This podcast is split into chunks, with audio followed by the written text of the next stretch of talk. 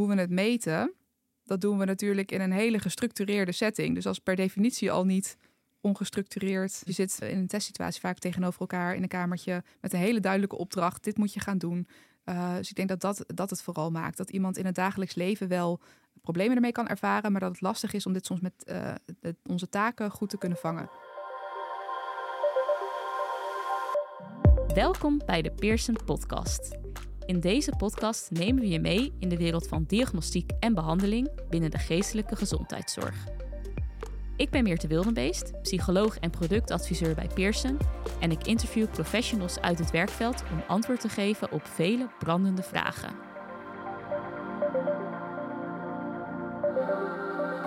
Voordat we verder gaan, nog even dit. Problemen met het geheugen kun je op verschillende manieren constateren.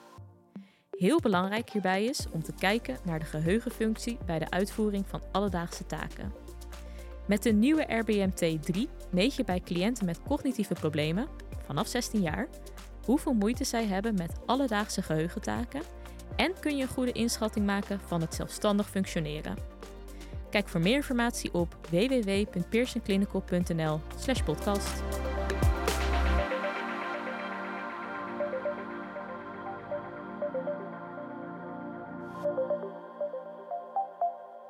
Welkom bij deze aflevering van de Pearson Podcast. We gaan deze aflevering de volgende vraag beantwoorden. Dat is: waarom vallen problemen met het executief functioneren lastig op? En degene die deze vraag gaat beantwoorden zit tegenover mij. Dat is Yvonne Rensen. Dus welkom Yvonne, fijn dat je er bent. En ehm, ja, voor de luisteraars die jou nog niet kennen of nog niet eerder uh, iets hebben gehoord van jou, uh, ja, misschien kun je jezelf even kort voorstellen. Dat is goed. Ik ben uh, Yvonne Rensen. Ik ben senior onderzoeker en klinisch neuropsycholoog in opleiding bij het Vincent van Gogh in Venray. Oké, nou dankjewel. Um, nou, dus de hoofdvraag vandaag, dus die problemen met executief functioneren, waarom vallen die nou lastig op? Ik dacht misschien is het goed om even terug te pakken van, ja, wat is executief functioneren nou precies? Mm Ja, dat is meteen een hele goede vraag. Hè? Van wat is, wat is het executief functioneren? Uh, ik ga proberen er een uh, goede definitie van te geven. Ja, helemaal goed. Ja, ja, ja, dat is altijd goed om te proberen. Ja. Um, het zijn eigenlijk de, de, de vaardigheden die je nodig hebt om jezelf in een uh, complexe en onoverzichtelijke situatie um, ja, om doelgericht, doelgericht gedrag voor elkaar te krijgen. Mm -hmm. Zo zou je het denk ik het beste kunnen omschrijven. Um, dat is meteen ook een heel breed begrip. Ja. waar heel veel onder valt. Dus het is nog niet zo'n makkelijk begrip om. Um, we hebben het vaak over het executief functioneren, tenminste uh, neuropsychologen. Maar wat dat, is dat dan? Hoe meet je dat nou? Uh, dat is nog best wel heel complex. Ja, en, en je noemde hè, dus uh, het zijn een aantal set aan, set aan vaardigheden. En wat voor vaardigheden moet ik dan denken?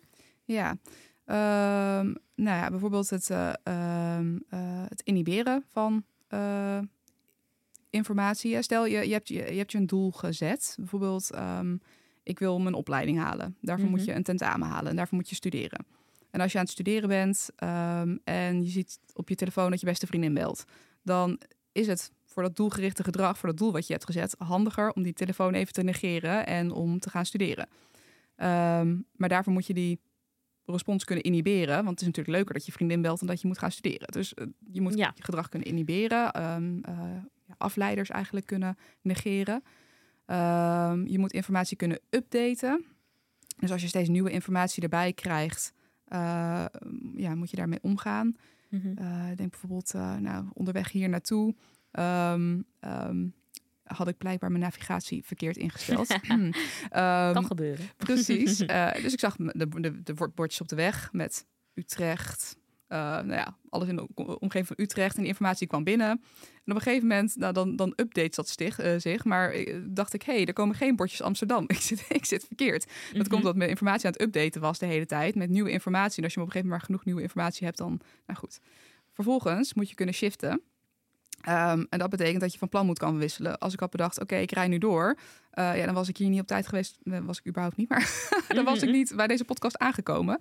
Uh, uh, dus je moet van plan kunnen wisselen. Je moet. nou, dat, plan... dat lukte je. Precies, ja. precies. dus dat shiften, dat is uiteindelijk goed gegaan. Ja. dus je moet uiteindelijk, als je denkt van hé, hey, mijn spoor klopt niet meer met het doel wat ik wil bereiken. Ik moet iets anders gaan bedenken. Um, nou ja.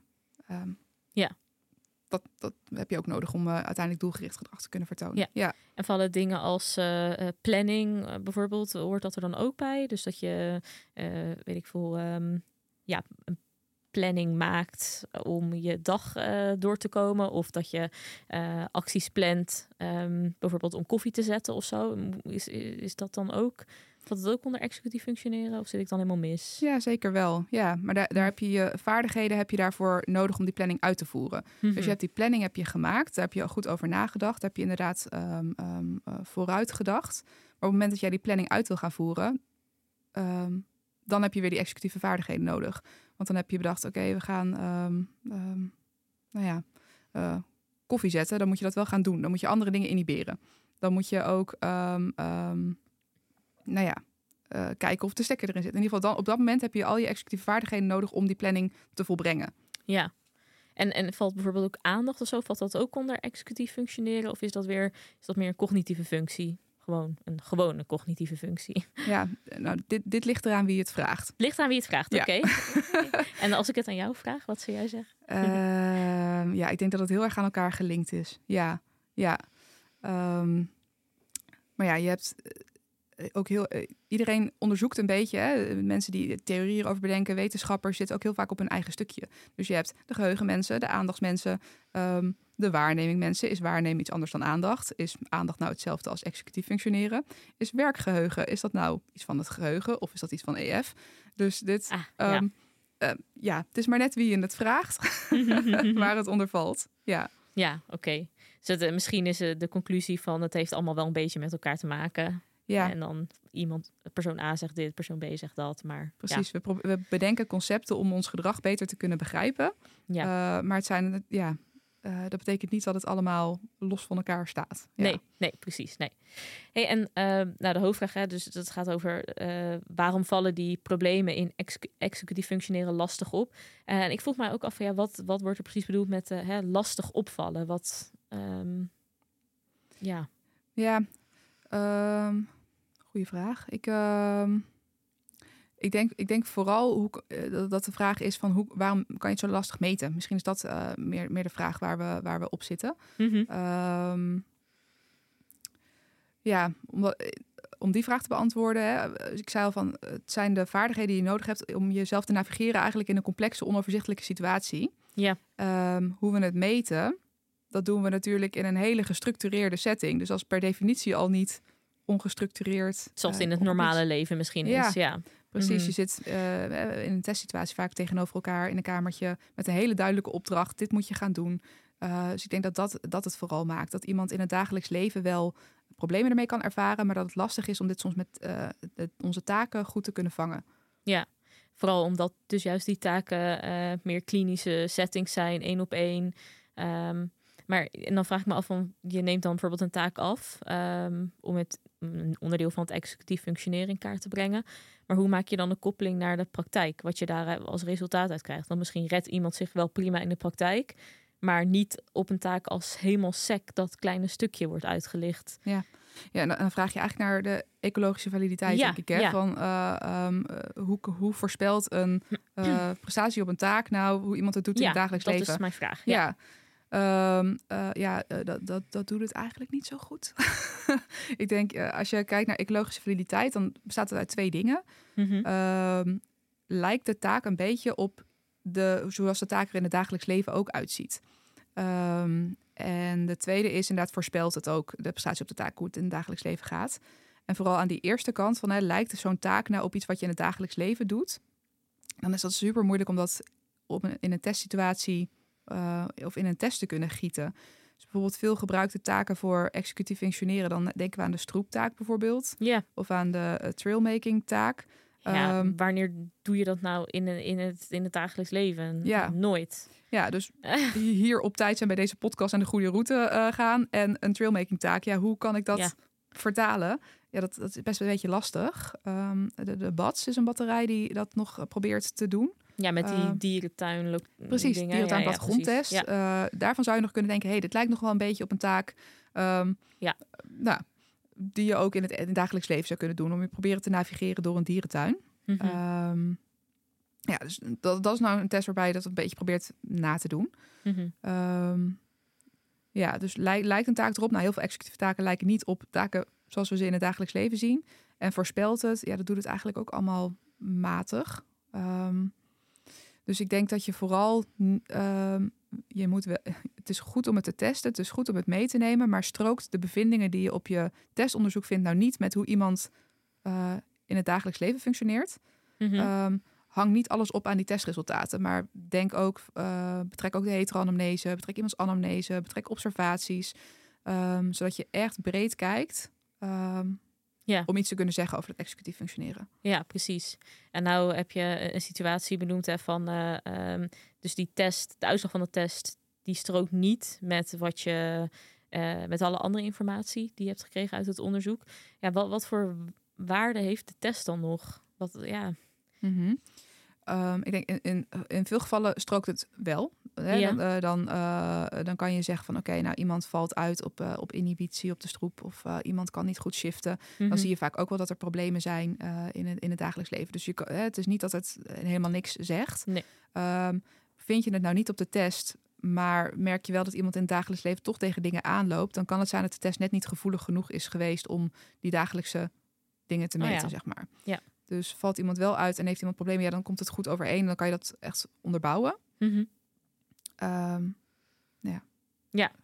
Oké, okay, nee, nee, ja. helder, helder. Ja. En, en, en, ik vroeg me nog af van, want wanneer is het nou uh, zinvol om het executief functioneren in kaart te brengen? Dus bij welke patiëntengroepen, um, ja, misschien vanuit jouw ervaring, uh, wanneer breng je zoiets in kaart? Ja, ik, ik, denk als mensen er klachten over hebben, hè, als mensen uh, het idee van, hey, het, het lukt me, ik, ik overzie het leven niet meer zo goed, ik uh, krijg dingen niet goed voor elkaar, het lukt me niet om mijn doelen te bereiken. Um, um, hè, of als je juist aanwijzingen hebt dat er echt daadwerkelijk hersenschade is, zoals bijvoorbeeld bij traumatisch hersenletsel of bij nou, dementie, dan is het altijd goed om te doen.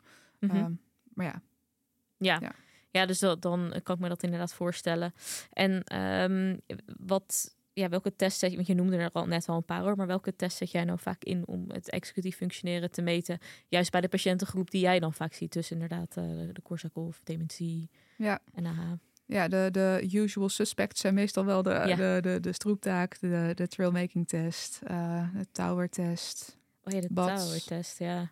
Ja, Lastig. um, dus dat zijn meer testonderzoek. Uh, ik, ben ook wel, ik vind vragenlijstonderzoek ook wel mooi. Dat je wat meer met uh, een brief of een dex uh, daar wat meer informatie over vraagt op een andere manier.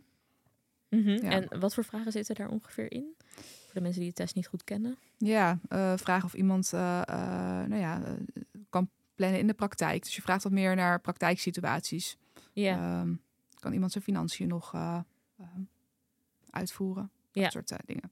En um, maak je dan ook veel gebruik van uh, hetero-anamnese bijvoorbeeld? Want ja, ik kan me ook voorstellen ja. dat soms mensen misschien niet helemaal zelf in staat zijn om te beoordelen. Dat zij denken, ja, ik ben prima in staat om mijn financiën te regelen. Terwijl misschien uh, de partner zegt, nou, uh, dat gaat helemaal niet. Absoluut, ja. Ja, hetero-anamnese is super belangrijk. Ja. ja. ja. Juist ook omdat iemand uh, een naaste die jou in de praktijk ziet...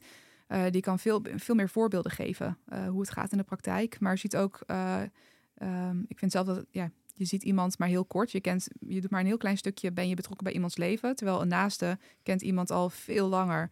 Mm -hmm. als je ouders hebt, broers, zussen, partners, ja, die gaan al jaren mee. Die zien ook veel meer veranderingen over tijd. Ja. Um, ja. Ja, oké. Okay, ja, dus dat, is, dat is, lijkt mij inderdaad dan ook heel erg belangrijk. En wat nou als uh, dus inderdaad eruit komt uit het onderzoek van ja, uh, uh, de cliënt zelf zegt uh, A en de persoon, uh, familielid zegt uh, B. Um, ja, hoe, hoe kom je er dan achter wie dan de waarheid spreekt? Mm -hmm. Uh, ja, je probeert alle stukjes informatie probeer je te wegen in je, in je diagnostisch onderzoek. Dus je kijkt van, hey, wat komt er uit mijn testonderzoek? Oh ja, hm, nee, iemand doet het eigenlijk niet zo goed op, uh, um, op die inhibitie en op het, uh, op het shiften bijvoorbeeld. Um, Mhm. mm -hmm. Um, oh ja, de observaties tijdens het testonderzoek is ook dat iemand het niet zo handig aanpakt. Iemand begint heel snel, plant niet vooruit, um, verandert niet van strategie. Mhm. Oh ja, de partner geeft het ook aan in de praktijk. Hè. Iemand uh, blijft hetzelfde ding doen terwijl het eigenlijk niet meer werkt. Maar de persoon zelf geeft aan dat hij er eigenlijk uh, dat hij dat niet zo ervaart. En dan heb je zo verzamel je allerlei puzzelstukjes. En denk je, nou, de, de meeste puzzelstukjes zeggen dat het zo is. Ja, dan, dan, dan is de kans groot dat er, dat, er, uh, dat er wel iets aan de hand is. Ja. Um, maakt het wel lastig als de persoon dat zelf niet zo ervaart. Ja, want hoe, hoe koppel je dat dan terug uiteindelijk als je zegt van uh, ja, we hebben dit en dat onderzocht. Uh, heel kort gezegd, dit is er uitgekomen. En je weet als behandelaar van ja, dit is eigenlijk niet wat diegene zelf. Um, ja, waar dit mogelijk niet mee eens zou zijn. Ja, hoe, hoe, ga je, hoe breng je dat? Ja ja, je, je legt wel uit wat je hebt gevonden en waarom. En je vertelt ook ja, je, je redenen daarvoor. Als iemand ja. zegt, ja, dat vind ik niet. Je wil um, um, vooral kijken ook waar zit de motivatie van deze persoon. Waar heeft die persoon nou last van in het dagelijks leven? Waarom heeft hij dat onderzoek gedaan? Waar heeft hij het toch meegedaan? Wat mm -hmm. wil hij nou bereiken? En dat je meer op die insteek gaat zitten. Um, ja, ik, ik zal niet mijn punt dan veranderen van... oh nee, dan is het toch niet zo. dan nee, heb nee, je toch nee, geen klachten ervan. Nee. Uh, of dan heb je toch geen problemen ermee. Uh, maar je gaat dan veel meer kijken waar kan ik de ingang vinden. En op die manier. Um, ja. ja. Dus dat je een beetje kijkt. Uh, aan te sluiten. Ja, precies waar de patiënt dan zelf behoefte aan heeft. En dan is de kans misschien ook groter dat zij, uh, dat zij het aannemen. Of er dan wel een soort waarheid in zien. Ja. Wat er is getest. Ja. ja. ja en um, wat altijd een beetje een lastig punt is, lijkt mij, is van je hebt dan dus inderdaad die, nou, die test afgenomen. Waarvan je al zegt van ja, ecologische validiteit, dat is niet altijd heel erg die is niet altijd aanwezig bij die test. Um, ja, hoe destilleer je daar dan bijvoorbeeld handelingsadviezen uit? Heb jij daar voor jezelf een soort stappenplan voor? Of ja, hoe doe je dat? Mm -hmm. um, heb ik niet een soort van stappenplan voor? Nee. Um, het is meer ook weer, hè, je, je, je pakt al die stukjes informatie samen. En als je bijvoorbeeld ziet dat iemand helemaal niet van strategie wisselt, maar blijft hetzelfde doen en het klopt ja. eigenlijk niet. Um, dan kan, je, dan kan je dat bijvoorbeeld teruggeven of uh, als advies geven. Van hey, um, um, ik merk dat je heel erg op hetzelfde spoor blijft zitten, terwijl het soms niet altijd handig is. Herken je dat? Um, nou ja, je kan dan het advies ge uh, geven, probeer te wisselen. Ja. Maar als iemand dat niet kan, ja. dan, Hoe ja, doe je dan gaan ze dat niet toepassen. Dan? Ja. ja, dus ik denk als je kijkt meer naar de praktijk van uh, wat voor een want je vraagt eigenlijk meer een soort van naar behandelopties of zo, denk ik. Hè? Of ja. van uh, Mhm. adviezen. Um, wat, je, wat in de praktijk veel gebruikt wordt, is bijvoorbeeld niet rennen, maar plannen. En goal management training. Dat zijn nou manieren, eigenlijk wat je zelf eerder al zei. Hè? Van je gaat proberen dan iemand te helpen bij hoe kan ik een planning maken? Hoe ga je eigenlijk een soort van strategieën bedenken om. Mm. Um, want dat executieve geheugen, dat ga je, of dat executieve functioneren ga je niet verbeteren. verbeteren. Nee. Maar je gaat eigenlijk strategieën bedenken om uh, op andere manieren toch dat doel te kunnen bereiken. Dus Ah. ga je zelf wat vaker checken. Um, maak van tevoren een plan. Uh, bouw checks in in dat plan om te kijken, hey, ben ik nog op de goede weg? Um, maar daarvoor Mhm. moet iemand wel erkennen dat er een probleem is of hier Ja. aan willen. En ook inderdaad gemotiveerd zijn om Precies. dit dan uh, aan te pakken. Ja. Uh, maak je wel eens mee dat mensen ja, niet gemotiveerd zijn om dit te doen? Want het lijkt me eigenlijk bijna van ja, uh, je hebt problemen ermee. Ja, dan wil je er graag wat aan doen. Ja, het ligt er heel erg aan hoeveel, Mhm. hoeveel last iemand ervan heeft, hoeveel lijdenslast iemand ervan heeft en hoeveel ziekteinzicht iemand heeft. Als iemand denkt, ja, ik ben niet ziek, ik heb hier geen last van, ja, dan is er ook geen motivatie. Mhm. Uh, als iemand wel echt last ervan heeft en uh, merkt van ook, maar ik, ik heb, ja, ik, ik loop hier tegenaan in de praktijk, dan, dan zijn er ingangen. Dan kan je met iemand zo'n strategietraining bijvoorbeeld gaan doen. Ja, en voer jij zelf ook die strategietrainingen uit? Uh, doe je dat samen met cliënten of, of wordt, ja, doen Ja. collega's van jou dat? Ja, kan allebei. Ja, uh, zijn vaak psychologen die dit uh, doen. Ja. Ja. En, en je noemde dus dat niet rennen, maar plannen. Die heb ik goed onthouden. Maar je noemde ook nog een andere. Goal management training. Cool management? Goal. Goal, goal management Ja. training. Ja. En wat is het verschil tussen die twee? Uh, het, heeft, het heeft elementen van elkaar. Uh, goal management training is inderdaad echt wat is je doel, hoe ga ik dat bereiken? Uh, met stappen uh, die je erin bouwt, met een stappenplan. Mm -hmm. Niet rennen, maar plannen heeft elementen daar ook uit. Ja, je gaat vaardigheden aanleren van hé, hey, um, de crux met beide is gewoon uh, vertraag, controleer jezelf, uh, maak planningen. Um, ja. ja. En zijn die methodes ook uh, ja, bewezen effectief? Ja, zeker. Ja, ja. Okay. ja toegepast bij mensen met executieve problemen. Um, Mhm. Ja, waarbij ze toch beter worden in het bereiken van hun doelen. Ja. En dat kan ook gewoon worden toegepast bij mensen met, met neurodegeneratieve ziektes. Of uh, ja, is, tenminste, ik zal even uitleggen waarom ik het vraag. Want Mhm. mm -hmm. ik denk dan van ja, dat wordt dat valt toch bijna niet te verbeteren. Waarom zou je dan überhaupt zo'n training uh, doen? Of, of is het nog wel nuttig bij, bij die patiëntengroep? Um, bij degeneratieve aandoeningen is het natuurlijk lastig omdat het slechter wordt over tijd. Precies. Dus ehm, aan het begin van de ziekte kan je het zeker wel toepassen, maar over tijd, ja, dan, dan verdwijnen die ook de eh, dan kan je ook minder compenseren, zeg maar. Mhm. Ehm, ik denk vooral in het stadium dat mensen ehm, ehm, wel problemen hebben, soms een stoornis hebben, maar niet dusdanig cognitief aangedaan zijn, zeg maar, dan kan je vaardigheden, vaardigheden en strategietraining inzetten. Mhm. mensen moeten nog wel kunnen bedenken van, hé, hey, dit, eh, ik heb dit plan gemaakt, dit ga ik toepassen. Eh, die vaardigheden zijn nog wel nodig om dat te kunnen doen. Ja, ja. Oké, ja, dat, ja, goed om daar een antwoord inderdaad op te, op te krijgen. En ehm, om nog eventjes terug te pakken hè, op eh, dat executief functioneren, dat dat lastig is om, om te meten. Eh, je noemde dan de tests die je daarvoor kan gebruiken. Nou, anamnese, heteroanamnese. En ik vroeg me af, gebruik- ja, doen jullie ook wel eens observaties, bijvoorbeeld thuis of zo? eh, dat je kan zien letterlijk hoe iemand bijvoorbeeld koffie zet of eh, ja, wat dan ook? Nou, hier zou echt nog, eh, hier valt echt nog een wereld te winnen, denk ik. Mhm. Ehm, omdat je in de thuissituatie daar kan je zoveel zien. Alleen het is lastig, denk ik, omdat je. eh, het is moeilijk om daar normgroepen op te maken. Of hoe Ja. doet iemand dat? En hoe zet je dat nou af tegen eh, hoe andere mensen van iemands leeftijd en opleidingsniveau dat doen? Dus dat maakt het lastig om daar een soort van gestandaardiseerde setting voor te krijgen. Terwijl ja. ehm, als je daar nou iets eh, gestructureerde observatie, dat waar je. Nou, daar zit echt nog wel een, een mooie kans, denk ik. Ja, oké. Dus eh, nou, weer een gat in de markt ontdekt, wil ik bijna zeggen. Maar eh, oké, nee, dat is, dat is goed om te weten. Ik vroeg het me inderdaad af, want ik denk van ja, daar kan je vast inderdaad informatie vandaan halen. Anderzijds, ja, het kost ook wel weer tijd, denk ik, om dan eh, hè, daar naartoe te gaan, naar iemands thuis. En daar, ja, een dag bijvoorbeeld te gaan observeren. ja, Mhm. ik weet niet ook niet of die tijd er altijd is Ja, in de praktijk. Ja. Ja, het zou wel mooi zijn hè? als je als iemand bijvoorbeeld aangeeft: ik heb heel veel, ik heb heel veel moeite om ehm, ehm, een maaltijd voor mezelf te koken. Ehm, als je daarmee mee zou kunnen kijken en nou ja, super effectief denk ik. Alleen eh, dat kan je ook wel doen en je kan daar denk ik ook heel veel uithalen en het kan nog niet op een Nee. gestructureerde, gestandaardiseerde manier. Dat is meer uh, Nee. probleem. Oké, Ja. nou, hartstikke helder. Het is ook weer tijd. Dus Mhm. bedankt voor al je informatie weer hierover. Graag gedaan. Vond je dit een interessante podcast? Volg dan ons kanaal zodat je op de hoogte blijft van nieuwe afleveringen. En deel de podcast gerust met je collega's als je hem interessant vond.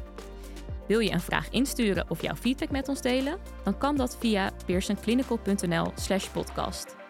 Daarnaast hebben we ook een speciale actie voor onze podcastluisteraars. En deze is te vinden op dezelfde site, dus pearsonclinical.nl/slash podcast. Tot de volgende keer!